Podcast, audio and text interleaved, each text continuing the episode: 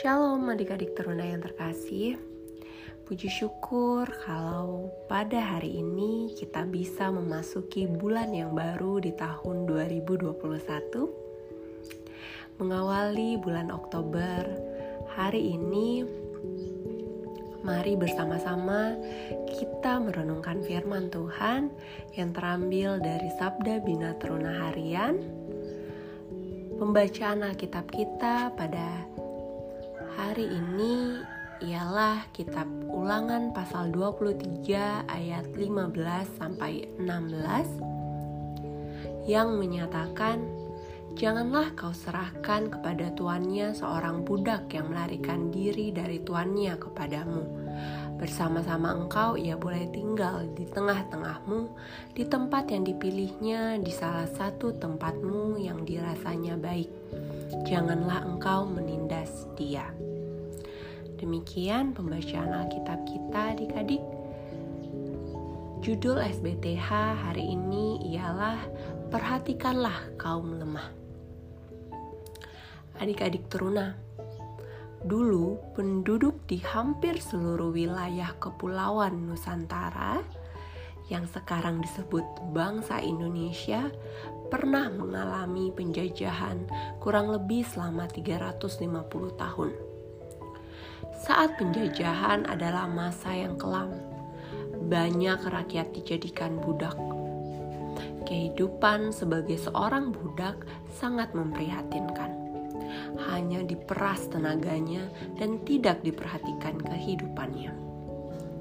Namun, kita patut bersyukur bahwa pada akhirnya perjuangan para pahlawan menghasilkan kemerdekaan.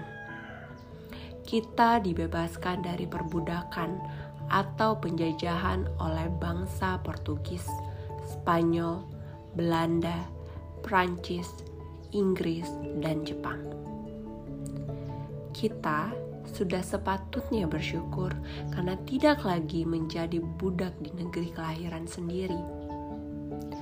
Tanggal 1 Oktober, yaitu hari ini, adik-adik teruna diperingati sebagai Hari Kesaktian Pancasila. Ujian mempertahankan Pancasila sungguh luar biasa Indonesia harus berjuang melawan golongan dan kelompok yang anti terhadap prinsip-prinsip falsafah Pancasila. Sobat Runa, dalam bacaan Alkitab hari ini, firman Tuhan berisi tentang bagaimana cara memperlakukan budak, khususnya yang melarikan diri karena suatu alasan. Tuhan memerintahkan agar bangsa Israel tidak menindas budak tersebut. Umat Tuhan diminta untuk memiliki sikap peduli kepada kaum yang lemah, seperti para pekerja atau budak. Mereka diajak untuk berbuat baik kepada kaum lemah.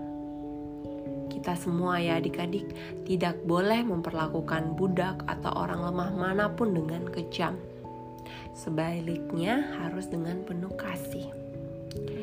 Sobat teruna, maukah kita menjadi pribadi yang peduli kepada mereka yang lemah? Maukah sobat teruna memikirkan apa yang akan kita buat untuk menolong mereka? Mereka ada di sekeliling kita. Mari memperlakukan mereka seperti yang firman Tuhan sampaikan dalam kitab Matius 22 ayat 39 yaitu kasihilah sesamamu manusia seperti dirimu sendiri. Adik-adik teruna jangan menunggu momen yang sempurna, tapi kita harus bisa menentukan sendiri waktunya dan hendaknya kita melakukan yang terbaik. Kebaikan kita pun Kak yakin dan percaya akan mendatangkan sukacita bagi mereka yang ditolong dan memuliakan nama Tuhan.